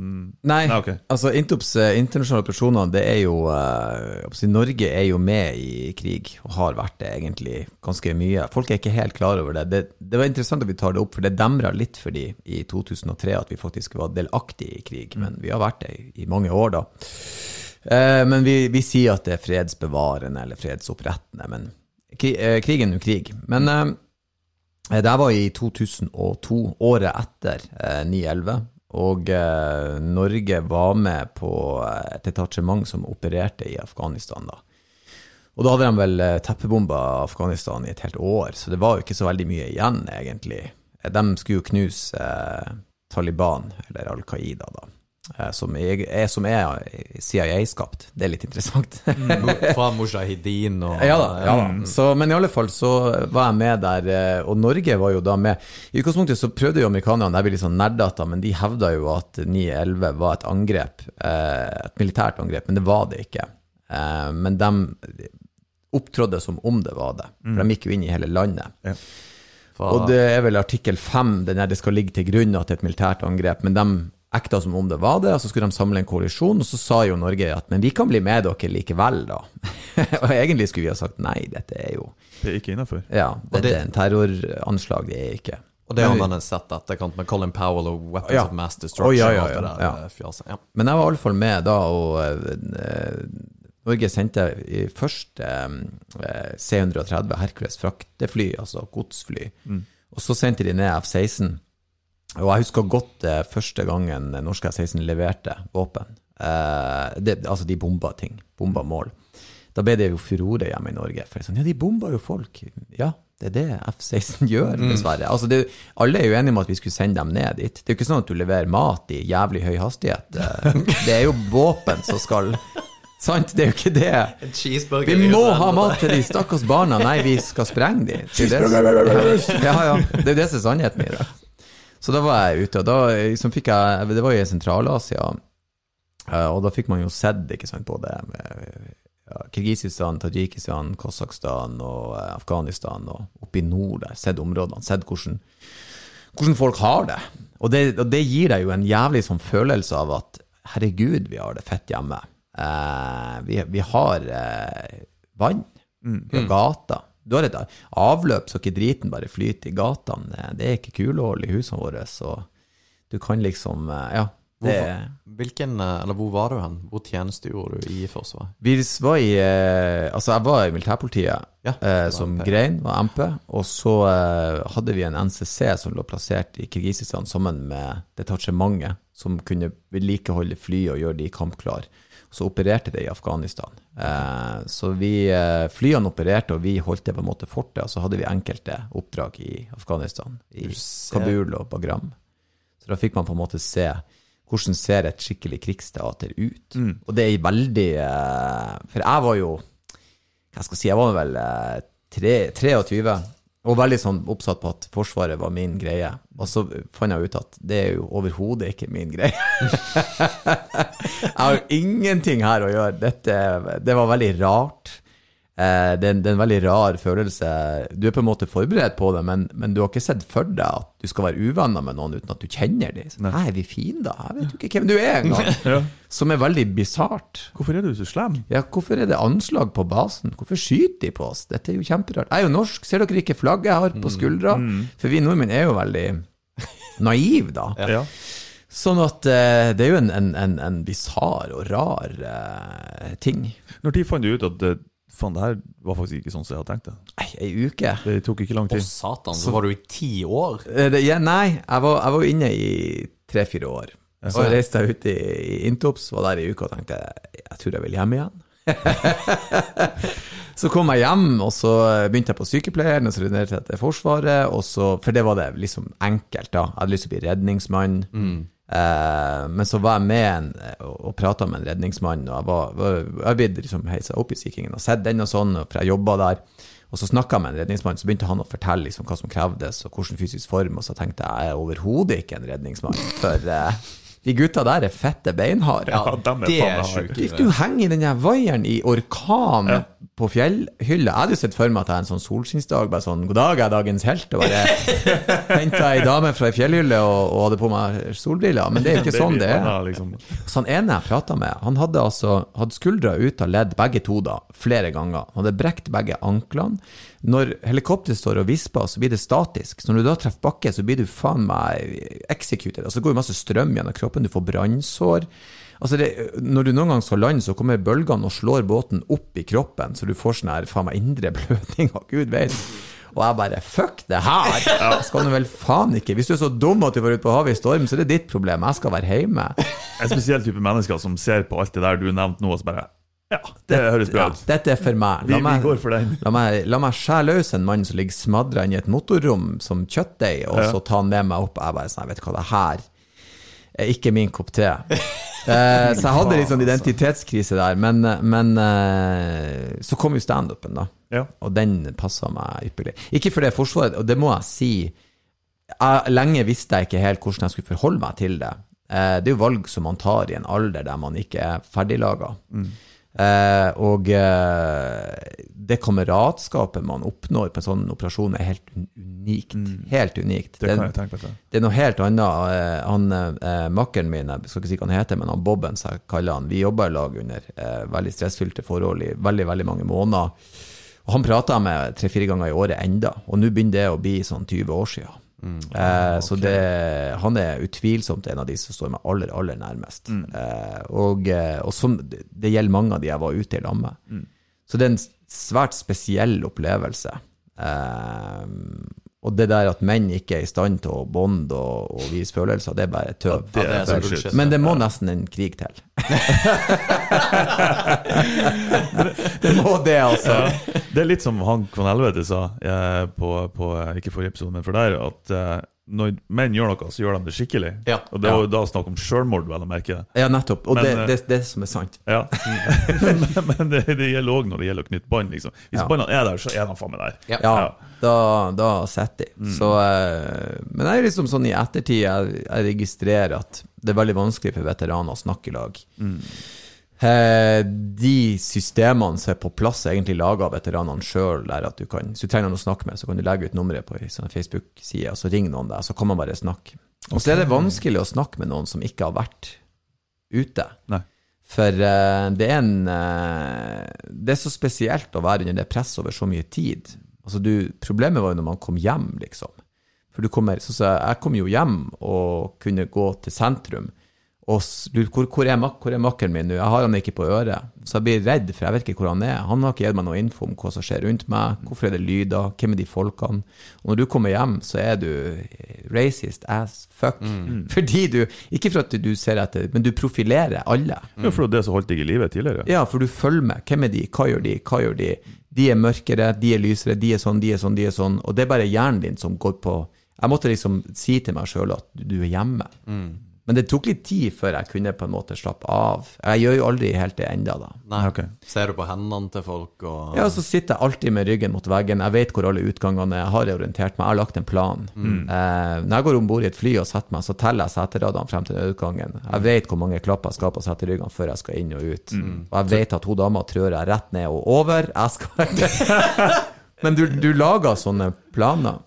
Og så er det sånn at eh, jeg tar meg sjøl og gjør det nå og tenke at det er ikke det dummeste du kan gjøre, men jeg gjorde det i så stor grad med en gang jeg kom hjem. Han var liksom så jævla høyt spent. Altså Gitarstrengene var i ferd med å ryke, alle seks. Så klart, nå er man eh, Nå er skuldrene lavere, og, men, eh, men fremdeles var, da. Men eh, hva sy altså, hvordan syns du at vi som norsk samfunn tar vare på veteranene våre? Ganske skammelig. Det, det er jo helt For, for jeg vet ingenting om akkurat det temaet. Ja, nettopp. Det, jeg vil gjerne det, vite de litt. er ikke Det er ikke noe For det første så er det litt sånn at hvis du er en som, som um, Det er blitt noe anti over det å delta i en uh, fredsbevarende opprettende operasjon. For folk, er sånn, folk forstår ikke hvorfor du gjør det. Så amerikanerne, hvis du velger å reise ut, i alle fall før du reiser, så hyller de deg. det er noe annet når du kommer hjem, da. Men det har vi ikke i Norge. Vi har ikke noen kultur for det. Og, eh, og eh, det er litt sånn spesielt at du blir sett på som, som litt sånn rar. Og så tror jeg ikke folk forstår hva egentlig er eh, en internasjonal operasjon. Um, jeg tror ikke de skjønner at det å ta livet av folk. Det er det folk gjør, i større eller mindre grad. Og det er veldig mange norske soldater som har vært i ekstreme situasjoner. Nå var ikke jeg i, i, på ei slagmark, men veldig mange har vært det. Og så har vi et bitte lite forsvar som gjør at vi bruker de samme folkene veldig mye. Det er rovdrift. Jeg kjenner veldig mange gode venner av meg som sliter enormt. Vært for mye ute. Som liksom var først i Afghanistan, ikke sant. Først i Irak. I Syria. I tillegg, vi hadde folk i Mogadishu, liksom. Det er ikke bra.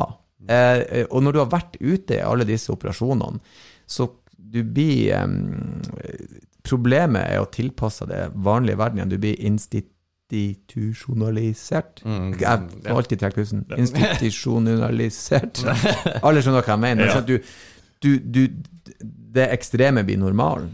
Så folk har problemer med å komme tilbake igjen. Og jeg syns det er for jævlig, på, på en måte hvordan da samfunnet ser på det. Sånn, hvis, hvis du sliter etter å ha vært i internasjonale operasjoner, så er det på en måte Ja, ok, det, det er noe galt med det. Altså altså PTSD. At det er disorder. At du er på en måte At det er ikke bare en naturlig konsekvens av det du har vært med på. Og ikke minst um, så er det ingen som faktisk vil på en måte da erkjenne hva Forsvaret egentlig gjør. Sånn som du sa. Du, du, du trener på å ta liv. Fordi, fordi at det, det er jo en del det er, jo- det er jo krig. Og, og det skal en spesiell kultur til det. Det der med denne outcryen med at det står en gjeng med, fra Telemarksbataljonen og roper til Valhall, og du sitter hjemme i sofaen din og kommenterer på det etter du har sett på God morgen Norge, og hvor krenker du av det? Dra til helvete! Du har ikke lov til å si noe om det. der. Du, vi har folkevalgte som sender folk i krig, og hvordan de velger å utføre den. Og det, altså, du kjenner ikke kulturen. Når jeg så den der, så tenkte jeg at dette anser jeg som et virkemiddel for at det skal skje. Hvordan skal du ellers få noen til å gjøre noe som er så naturstridig for oss, å ta livet av noen? Eh, men folk vet ikke. Så, så hvis jeg forteller kona mi hva nærstrid er, så hun får jo sånn her hakeslepp. Så jeg bare, nei, altså, For jeg så på film, ikke sant, så var det en fyr som skjøt en pistol på 20 meter. Så jeg sa det, det er ikke det du gjør. Altså, du legger den inntil panna hans for du har sparka den i bakken. Du bruker den i stedet for knyttneven. Hun bare Så sa jeg det er ikke det at jeg liksom har Jeg har ikke gjort det med 40 mann, men det var det vi lærte. Og, den, og det er rart, for når du er 20, så er det sånn ah, gøy, mens i ettertid så har jeg tenkt sånn Det er ganske sykt. Ja, ja, ja. Eh, ja. Eh, og det var det vi skulle gjøre. Det var sånn det skulle foregå. Eh, eh, Bisart. Jeg trente til KFOR, eh, Kosovo. Og da var en av tingene vi ble bedt om å trene til, var å skyte hunder. Fordi at det er så ekstremt mange bikkjer Jeg husker det ble okay. stress av òg.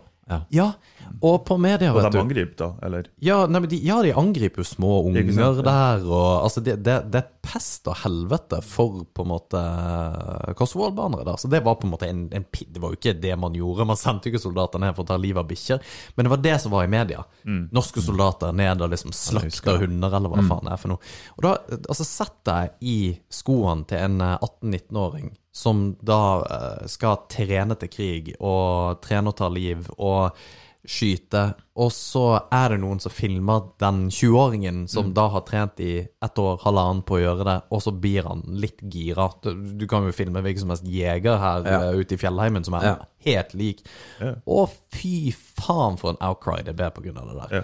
Og, og, og det, det, det Det er ikke rett. Nei, Du det er toucher litt rett. innom det her cancel culture, for det er litt, litt av samme Ja, prinsippet. du får en reaksjon som er basert på at folk ikke vet. Ja. Også sånn som Balkan, albanerne og em, em, Nå husker jeg ikke de Serbere. Serberne, ja. For alle var jo sånn, ja, men det er jo blitt fred der. Men det blussa opp igjen i 98, var det ikke det? Jo. Og så blussa det opp igjen på 2000-tallet. 2003. For alle var sånn at ja, nei, der må det jo være fred nå. Nei, det er ikke det. Og folk òg som har vært liksom, Jeg har kompiser som var tidlig på Balkan, tidlig, der de lå i feltvogna og var under sniperild, som sliter. Mens folk er sånn Ja, men nordmenn var jo ikke der Jo, eh, det var jo derfor de for dit. Så jeg føler at, at politikerne vil at vi skal være med på det, men de vil ikke si at ja, jeg er ansvarlig for at dette skjer. De pakker det inn som at ja, men vi skal bare kanskje være helt ytterst og bare se litt på, kanskje bidra hvis at det trengs. Vi er støttepartner. Ja, for de tar litt avstand fra at de tar den avgjørelsen. Så sender du folk ned dit som kanskje reiser dit under inntrykk av at vi skal ikke være med i striden, og så havner du i striden. Og så kommer du hjem, og så er du en, en, en tulling og en sosiopat. Og Så er det får ikke du null støtte. ja, og så får du ikke, det er ikke et system som ivaretar deg. Det er veldig mange ting der Det er ganske artig, for jeg fikk nettopp spørreundersøkelse om jeg kunne svare på sånn Intops-greier, for de driver nå og kartlegger. Så er sånn Jesus, det er jo 20 år siden. Eh, Litt seint at dere nå lurer på hvordan jeg har det. Ja. Ja. det og det kjipeste er at vi vi skulle jo ikke få kongens fortjenestesmedalje for internasjonale operasjoner fordi at eh, eh, Enduring Freedom, som de ironisk nok valgte å kalle denne operasjonen, det var litt sånn Hva er det her egentlig? Er den verdig den medaljen, da? Så vi fikk jo en annen medalje, eh, så det er så veldig rart. Her er en liten mynt, så du kan henge. Lykke til med nervene, gutt! God tur hjem, sant? Du kan jo kjøpe noe for mynter. Ja, nei, du kan ikke cashe den inn i valium med en gang. Ja, for det er en sånn feit K inni han. som Ja, får henger du av en sånn tøybit. Så i alle fall, den fikk nu, vi fikk nå en medalje, det var en seremoni, og vi leverte nå inn våpen og for hjem og alt mulig. Og jeg flytta jo hjem, og så gikk det noen år hjemme, og så flytta jeg til Narvik og begynte på skole og sånn. Og så gikk det vel fem-seks år, så fikk jeg medaljen min i posten. Og da hadde han liksom Jeg var så stor, ikke sant, til diplomet, så var bare trødd i postkassen og regna på, så jeg fikk en sånn oppsmuldra, bøyd Å, herregud. diplom, og så den her medaljen. det våt og skitten. Jeg var sånn, ja takk, dette føltes jo verdig. Ja, en, en symbolsk mm. Så ja. sånn, tusen takk for innsatsen for konge og fedreland. Jeg bare, vet du hva, det her kan dere eh, prøve igjen, liksom. Fy faen. Og når kom den medaljen? Jeg tror det, det, må ha vært i 06-07. Jeg, okay. jeg var jo ferdig i 03. Tre år etterpå? Ja, Tre-fire år etterpå kom den i posten til meg. Og da blir man litt sånn, når de nå kontakter meg om Heimevernet, så blir jeg sånn Ja. Nei. ja. Jeg, jeg var jo for, jeg snakka med Heimevernet og var helt åpen med de at jeg har overhodet ikke lyst til å ta i våpen. Jeg vil ikke bidra til at noen blir tatt livet av. Jeg har ikke lyst til noe av det her. Nada. Og så bare, ja, men kan du jobbe administrativt? Nei, sa jeg. Og de var jo dritglade da jeg kom. De bare, ja, MP, inntoppserfaring. Kanskje jeg var nei, sa jeg, vet du hva. Hvis jeg hadde vært en yngre mann, så ville jeg ikke antageligvis ha sagt nei. Men igjen, det er veldig viktig for meg å si at ingen av de jeg har truffet vanvittig mye bra folk med gode verdier. Det var lærerikt. Jeg har un unike vennskap. Eh, folk som jeg ser på som familie. Så det er vanskelig å angre på det, men eh, sett i ettertid med fasit i hånd, så jeg ville kanskje ha valgt noe annet. For å si det sånn, jeg ville prøvd å bli standup-komiker da jeg var 18 i stedet for da jeg Ja var sant. 33. Ja, ja. Men det er um, Altså, det er viktig å ivareta Forsvaret, da. Um, mener nå jeg. Og altså, i hvilken form det det, det kan jo også da diskuteres. Og det blir jo forhåpentligvis nå en endring på, da, med Kristoffersen. Men eh, Ja, vi får se. Jeg var jo veldig Når jeg var inne, så var jo visjonen det her totalforsvaret. Eh, med, med heimevern og Forsvaret og politi og sivilforsvaret. At alle skulle på en måte ha Men så er det smuldra opp, strukturen er borte, ting er lagt ned. Så skulle vi være et rent innsatsforsvar. Eh, Sånn at vi liksom Vi hjelper dere, så kommer dere til oss hvis vi trenger hjelp. Og så Det har vi jo nå skjønt at det er ikke sikkert USA kommer. Så vi må jo på en måte Jeg liker Er ikke det sveitserne som har en sånn Der du bor, er der du slåss. Du kjenner ja, teigen. Ja. Her er utstyret ditt. Her er den lommekniven, den røde. sant? og så blir du der. For jeg vet ikke okay. det synes jeg, jeg, jeg synes det er interessant den pasifist-tingen, for de spør deg jo om sånne sinnssyke ting. Sånn her, ja, du er pasifist? Ja, jeg har ikke lyst til å Ja, enn hvis noen kommer inn og skal drepe kona di? Ja, det er jo antageligvis eh, Jeg vet ikke, kan hende jeg gråter og bare lå i fosterstilling, men jeg ville vel kanskje ha prøvd å gjort noe. Det gjør jo ikke meg til ikke en pasifist, Nei. Nei, nei. selv om. Sånn at jeg synes det er en sånn rar eh, Ja, det er merkelig. eh. Det er kjemperart. Sånn, så, selv om du driver med kampsport, så er du ikke glad i å slåss på byen. Nei. De to har jo ingenting med hverandre å gjøre. Vi snakka jo om det i forkant, er heller motsatt. Ja, det er motsatt. Ja. Det er motsatt. Eh, så ja.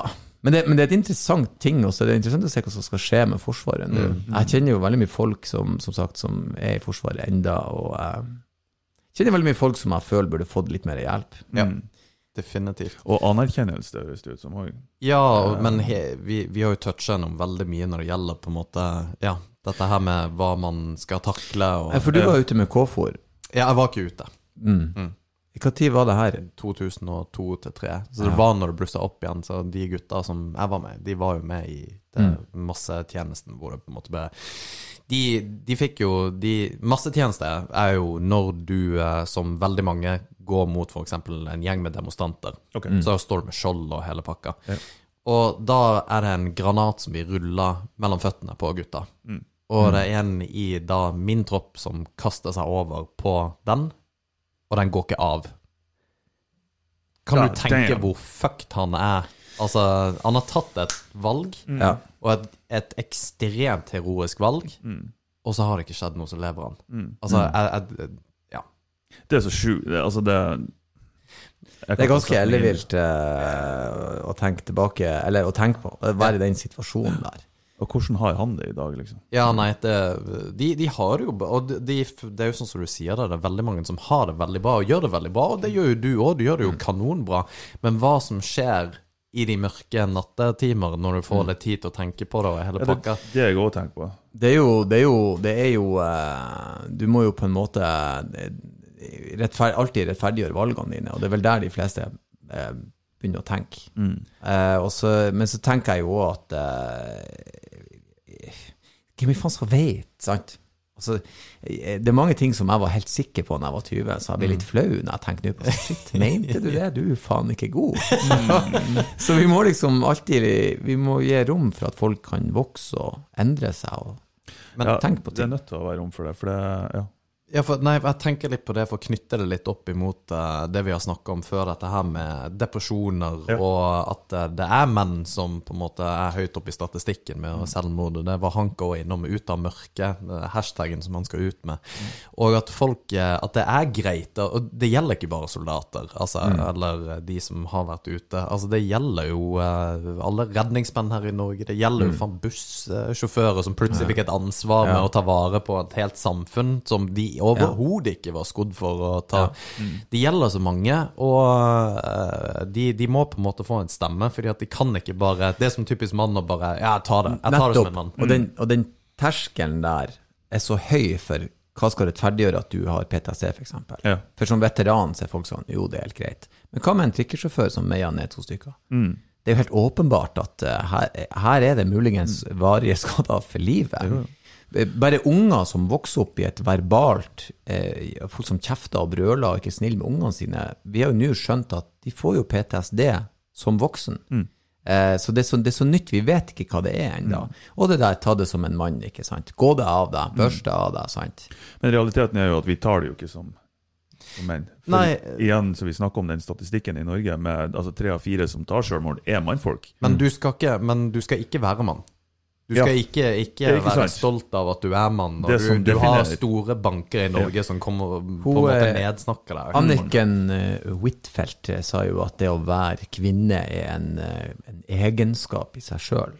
Så sånn, eh, men eh, gjelder ikke det alle, da? Ja. Altså, er ikke, vi, ikke vi mennesker? Ja. Mm. Så, men det er klart, jeg kan skjønne at du får de motsetningene, for damer har sett vært undertrykt, så de har måttet jobbe for ting. Det er en historie der, selvfølgelig. Så det tar tid å bare slippe garden der. Jeg skjønner at de enda er klare til kamp. Så det er så vanskelig. Men det vi må gjøre med guttene Jeg, jeg med mine gutter eh, er jo veldig bevisst det å snakke med dem. Jeg snakker jo aldri med, menn i min familie. Sant? Altså, du, du, det var jo ikke noe du gjorde Nei. om sex eller følelser eller noen ting. Det var bare sånn Det holder du kjeft om. Det skal ikke på bordet. Så jeg har jo blitt han fyren som guttene mine er sånn Ja, pappa, jeg veit det, liksom. Ro deg nå ned. Det går bra. Bare sånne ting jeg snakka med han, eh, han eldste karen min om. liksom, Hvordan skal en mann se ut? Hva er en mannekropp? Jeg har sagt til han at han Ronaldo han er ikke gjennomsnittlig. Så, ikke så, jeg, så- jeg sa far din har en normal mannekropp, en som rører på seg og spiser normalt. Så mm. det, sånn skal det se ut, liksom. Så du må på en måte ha den praten med dem. Så er det også interessant, for han kom jo hjem, han mellomste gutten min, og hadde liksom noen av de ertene eller sagt, han, han, ville, han ville, Det som var hele greia, var at eh, han ville ikke dra på jiu-jitsu-treninga, for noen hadde sagt at det var gay. Som, er, som er første gangen jeg har hørt at det er gay å drive med jiu-jitsu. da. Jeg sier det av og til sjøl da. jeg ligger og klemmer, men Ja, For de hadde liksom sagt at ja, det, det, det er homsesport, og dere homser med hverandre. Så Det er helt til du får ei hånd rundt halsen og bare Ja, ja. kjemper for livet. skjønner at her er det noe annet. Men så sa jeg til eh, sønnen min, så sa jeg ok, det, så sa jeg det er flere måter vi kan løse det her på. Så sa jeg det første alternativet er ja, at han pappa blir med deg, og så brekker jeg armen på de som sa det. Så flirer han og sa nei, det, det, det kunne han ikke gjøre. Så sa jeg ok, så sa jeg vi kan ta kontakt med skolen, og så kan de snakke med dere om det. Så sa han nei, men det vil han heller egentlig ikke, fordi han visste at det, det ble bare tull da. Så sa jeg vil du at vi skal kontakte foreldrene han, eh, til de guttene og sånn. Nei, det vil han heller ikke. Så sa jeg ok, men da kan jeg Så sa jeg til han at jeg ble nesten glad når du fortalte meg det her, fordi det her vet jeg hvordan man fikser. Så sa jeg helt ærlig at folk kommer til å være kjip resten av livet ditt. Folk vil jo si ting for å prøve å såre deg, av ulike grunner. Enten har du noe som de vil ha, de er misunnelige, eller de bare ikke liker deg. Du kan ikke forandre alle du kommer til å treffe, men du kan bestemme hvordan skal du reagere på det som blir gjort. Yep. Og det er det eneste jeg har sagt til han. Så sa jeg hva de sier, hva, det spiller jo ingen rolle, sa jeg. Du vet jo hva jiu-jitsu er. Du vet jo at du ikke er gay. Og så sa jeg og dessuten, er det så farlig om du er det? da? ja, ikke sant. Han bare nei, det er jo ikke det. Så jeg nei, så sa jeg vi, vi kjenner jo manner som bor i lag og har unge. Ja, sa jeg. Ja, nettopp. Så ikke bry deg så mye om det. Og det er jo bedre å lære ungene dine det enn at du sier som Nei, nå skal vi ha allmøte, og alle foreldrene skal møtes og bruke ni timer på å snakke om ingenting. Og så har vi nye regler fra skoleveien, vi må ha noen som passer på. Det går ikke. Nei. Det går ikke. Så eh, hvis du kan snakke med guttene sånn, så er det bedre. Hvis jeg hadde funnet hjem til faren min og sagt noen er ekkel med meg på skolen Ja vel. Ja. Slå han i jeg tror, jeg tror jeg fikk råd opp ja, Det er lov å slå, fikk jeg beskjed om. Ja, ikke jeg slå også. kvinnfolk, men du kan slå gutter. Samme her. Det var moderne menn på 80-tallet. Ikke slå damer, men menn, slå de rett ned. Jeg fikk beskjed hvis de slår, slå tilbake. Ja, ja. Og den, jeg er jo litt der ennå, da. Altså, Ja, men det er jo- Eye for an eye. Det, ja, er- men eh, det, det får være en annen ting. Men det er en jobb å gjøre der, altså, med unge gutter og mannfolk. Det, og det ansvaret må vi ta. Altså. Det må vi ta. Men der også Jeg var bevisst på den kampsporten til sønnen min, for han, han likte jiu-jitsu. For jeg, jeg lar han selvfølgelig se litt MMA. Det er jo sport. Ja. Det er sport. Du må lære dem at det er sport. Du kan ikke I alle fall så begynte det med, eh, med For jeg, jeg mente på han det er bedre hvis du kan uskadeliggjøre noen uten å nødvendigvis slå dem i fjeset. Yes. Så jeg sa det. Lær deg noe sånn, det vil gi deg en selvtillit, og du vil ha kontroll. Eh, og alle jeg kjenner som har drevet med kampsport, ingen av de drev og sloss på byen, for de var sånn jeg tar alle her hvis jeg gidder, men jeg, jeg drar bare. Nettopp. Dette er ikke noe jeg trenger. Jeg trenger ikke det for selvtilliten min. Jeg har den selvtilliten. Egoet er Ja, egoet er der. Jeg vet, jeg vet hva jeg kan gjøre, så det er, noe, det er ikke noe poeng for meg å drive. Så alle de guttene så tenkte jeg ok, hvis sønnen min kan få den tryggheten, så er det en, en bra ting å ha med seg. Rett det, og du slett. kommer, Jeg tror du kommer utrolig langt bare med den tryggheten. Du klarer Mm. å unngå situasjoner, du klarer å unngå ja, Mm. bli tråkka på, rett og slett. For jeg tror du òg oser en sjøltillit når, du- når du vet hva du kan, Ja. som forhindrer folk i å hakke på deg. Og det beste er at du blir vant til å få deg en over øynene uten at du får panikk. Ja, du blir sånn minst. at du er sånn Ok, han gjorde det, hva gjør jeg nå? Men det her er jævlig interessant. Det var noe som vi snubla over. For igjen, han, han mellomstesønnen min kom hjem og fortalte at noen gutter liksom at de skulle knuse trynet hans og slå han ned og sånn. Og kona mi fikk jo helt sjokk. Mm. Og så er det for at hun er dame og vokste opp med tre søstre. Mm. Hun vet ikke at menn står alltid i fare for å bli slått i fjeset av noen. For vi gjør det. Det er en reell risiko. En reell risiko fra du er ja, kanskje tredje-fjerde klassen på barneskolen til du er 65. Da er du for gammel til at noen gidder. Ja, da er du ikke noe trussel lenger. Men enda da kan du risikere. Ja. For vi snakker om at damer blir slått, og misforstå meg rett, det er et kjempeproblem. Men menn blir slått veldig mye mer, og det tar vi ikke tak i. Sånn som når du går inn på en uteplass, du ser alltid der på hjørnebordet der. Der vet jeg at jeg kan Han fyren ser ut som han har lyst til å slåss kveld. Det blir å blusse opp. Ja, men det er helt sant. Og du ser det. Du ser det, Ja. og du tenker at ok, sånn kan jeg håndtere det. Og, og det var en interessant diskusjon med kona mi. Så sa jeg selvfølgelig er det Hun bare nei, det går ikke an. Jo, sa jeg. Du kan ikke gå rundt og tenke sånn. Ja, så sa hun sånn, ja, har du fått Ja, sa jeg hadde blåveis flere ganger. Mm. tulling som eh, plutselig fant ut at jeg så på dama hans, eller et eller annet. Og ja, jeg har gitt noen en blåveis. Dessverre er det noe som menn har gjort, eh, men det er jo noe også som vi kan fikse. Det er jo bare ikke begynne å snakke om eh, Heller fortell at du er usikker. Ta den praten med dama di at du er litt usikker når hun snakker med menn, istedenfor for å slå ned alle som prater med henne. For vi har en veldig hands on måte å reagere på. Vi kjører bare på. Det er jo sånn eh, når du alltid har en hammer, så ser alt ut som en spiker. Ja, nettopp. Ja, og- det er det eneste verktøyet du har. Og det er det du må snakke med guttene om. Liksom. Ok, det, det er ikke nødvendigvis løsninga. Men så er det også faktisk et instinkt i menn. Det er en grunn til at vi har testosteron. Det, vi er jo aper, ikke sant? Og det blir vi ikke kvitt med det første. Nei, jeg, jeg tror det er lenge til menn og damer begge er to sånn slanke, hårløse vesen Med store, svarte øyne. ja, som kommuniserer bare med hjernebølger. De, de knuller ikke, de bare lager ungene i en kumme med vesker Herregud, Jeg ja. tror ikke weird den sexen skal være. Det er det venstresida går for. Det er ingen forskjeller. Ja. Alle er Alle lik. Alle havhester. Er ikke det havhesten som kan knulle seg sjøl? Jo, det er det. Jeg tror det er noe sånt. Ja. Ja. Ja. det, Så får han en unge som han tar vare på. And on that note Nei, men eh, herregud, vi, det her har vært en fantastisk podkast. Jeg, jeg føler at vi egentlig kunne prata mye lenger også. Uh, Begynner vi å nærme oss slutten allerede? nei, jeg vet ikke. Nei, nei, det har vært, det har vært hyggelig. Ja, det var veldig veldig Ja, bra. veldig. Um, hva skjer med standupen din nå, Ellen? Hva er next in line? Du, vi, vi, jeg holder på å jobbe med det nye showet, og så har jeg litt sånn annet materiale som jeg driver og reiser litt rundt med. Og vi har jo i disse på å si, koronatider, så skal vi ha en sånn Jeg og eh, Kevin Kildahl og en som heter Henning Bang, og en Tomax fra RSP og Tomax, vi skal reise rundt og turnere i lag. Kult. Så det blir gøy her i, i, i, i Nordland, Troms og Finnmark. Så det blir artig. Til, til Mo igjen òg, eller? Det gjør vi. Ja, og så skal vi jo prøve å få eh, Vi må jo bare prøve å, å fortsette å arbeide. Altså Sånn som det er nå, så det, det er egentlig ikke mm, Man tjener ikke noe særlig med penger på det, men i utgangspunktet så var det egentlig aldri derfor jeg begynte med standup. Det er så artig å stå på scenen uansett. Ja. Så det spiller ikke noen rolle. Eh, så vi, og så er folk så takknemlige òg når vi drar rundt nå, for folk vil jo at det skal skje noe. Ja. Så de store navnene de avlyser jo, men for oss som egentlig er sånn semikjent, så er det ikke noe forskjell. Det- Vi samler nesten like mye folk som alltid. Ja, så de, Pluss at folk er ekstra gira. Ja. ja, de er veldig glade. Gi oss Så, litt kultur. Ja, Men så- hvor eh, kan folk nå deg hen, da? Du har jo en podkast også. Ja, eh, heimelaga podkast eh, Heimelaga podkast at gmail.com er enkleste måten. Og så er jeg jo på Instagram. Eh, E. Osnes, også Erlend Osnes på Facebook. Og der, er det, der legger jeg ut eh, show og alt mulig. Og Er du på Spotify med podkasten?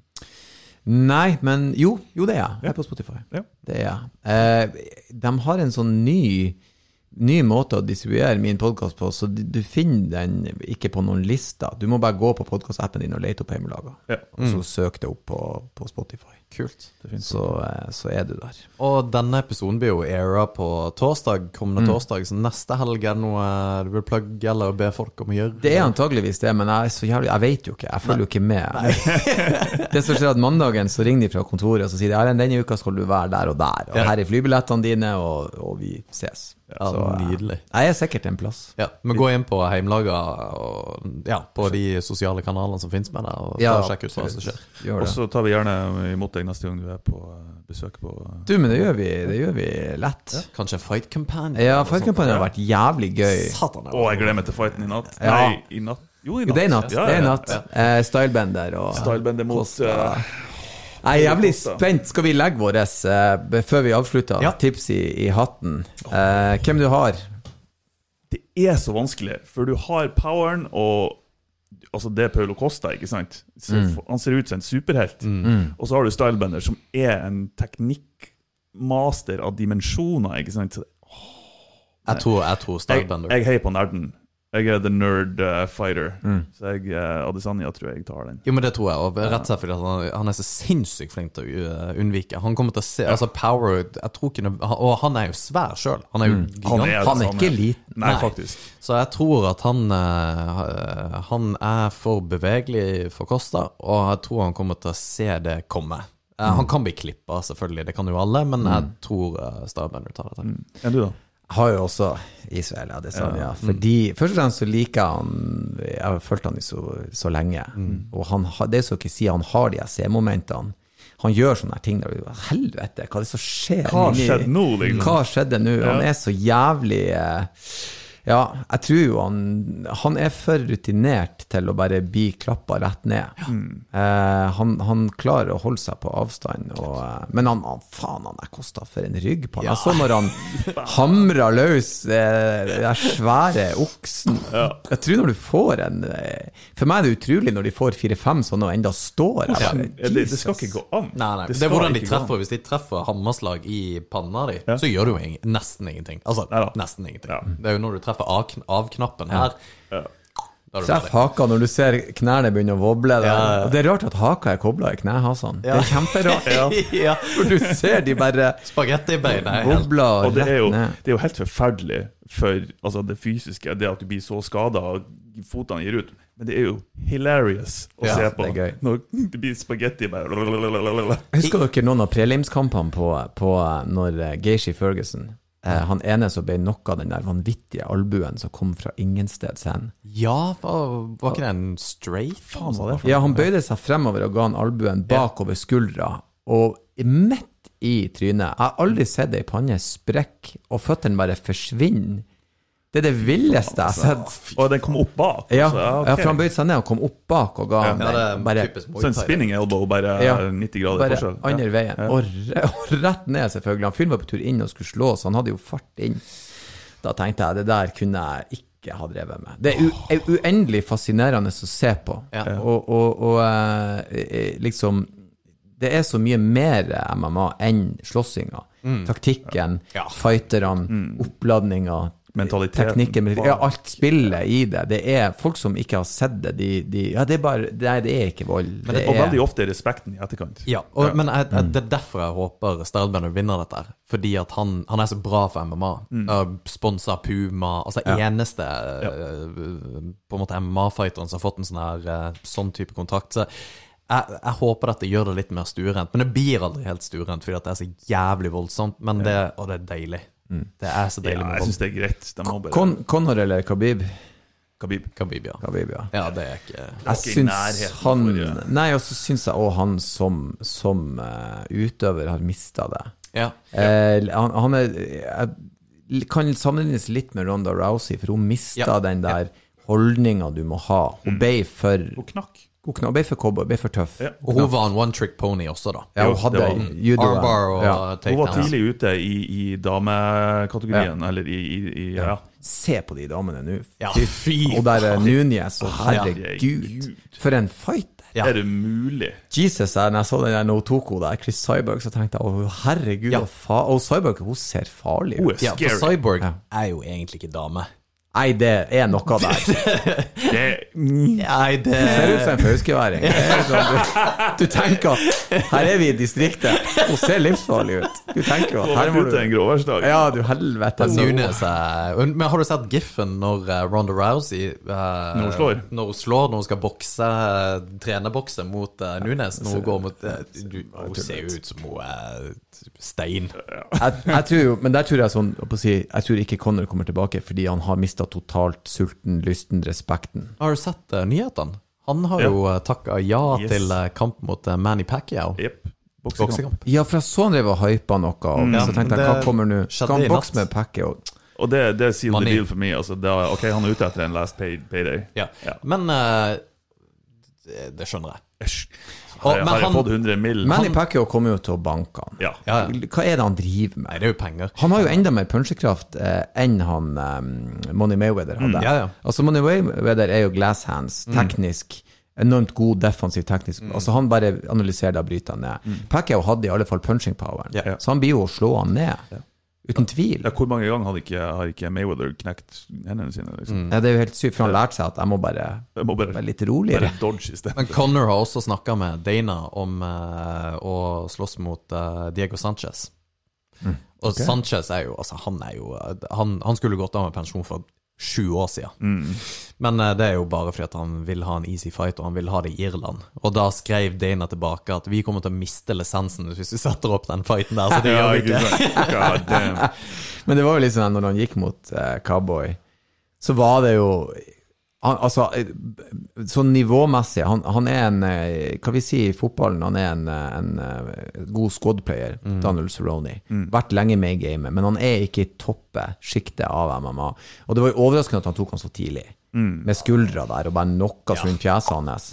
Eh, men, men, men det, i MMA-en så tror jeg ikke han er lenger Han har, han har vært i sin beste periode. Og, Ja. Vi snakker om Connor, eller snakker vi om eh, Con- Conor. Ja. Connor. Altså, det er, er, han nå Khabib sa det best. Hvorfor skal jeg gidde å gå en ny kamp? Ja. han er jo en tulling. Kan ikke oppføre seg. Slå han- til menn og drikke brennevin og brøle. Men han, ja, men han Det er et showman. Han Er selger ja, og det, sirkuset. Ja, og det digger jeg litt. Og det er det er litt der. sirkus. Ja, det er for så vidt, men det er bra med det. Men Colby Covington, han er ikke Han er ikke den personen han gir seg ut til å nei, på ingen Nei, måte. nei, nei. Men han, han selger jo en fight, og, og folk er nødt til å skjønne at det er en del av det som fight-gamet. Ja. For det er jo samme som Jeg fikk jo snaps av faen meg gud og hvermann og Pacquiao og Mayweather skulle slåss, og det ble en sånn stor greie. Og ja, nå står vi og ser på den som vinner aldri, som ikke vet hva boksing er for noe engang.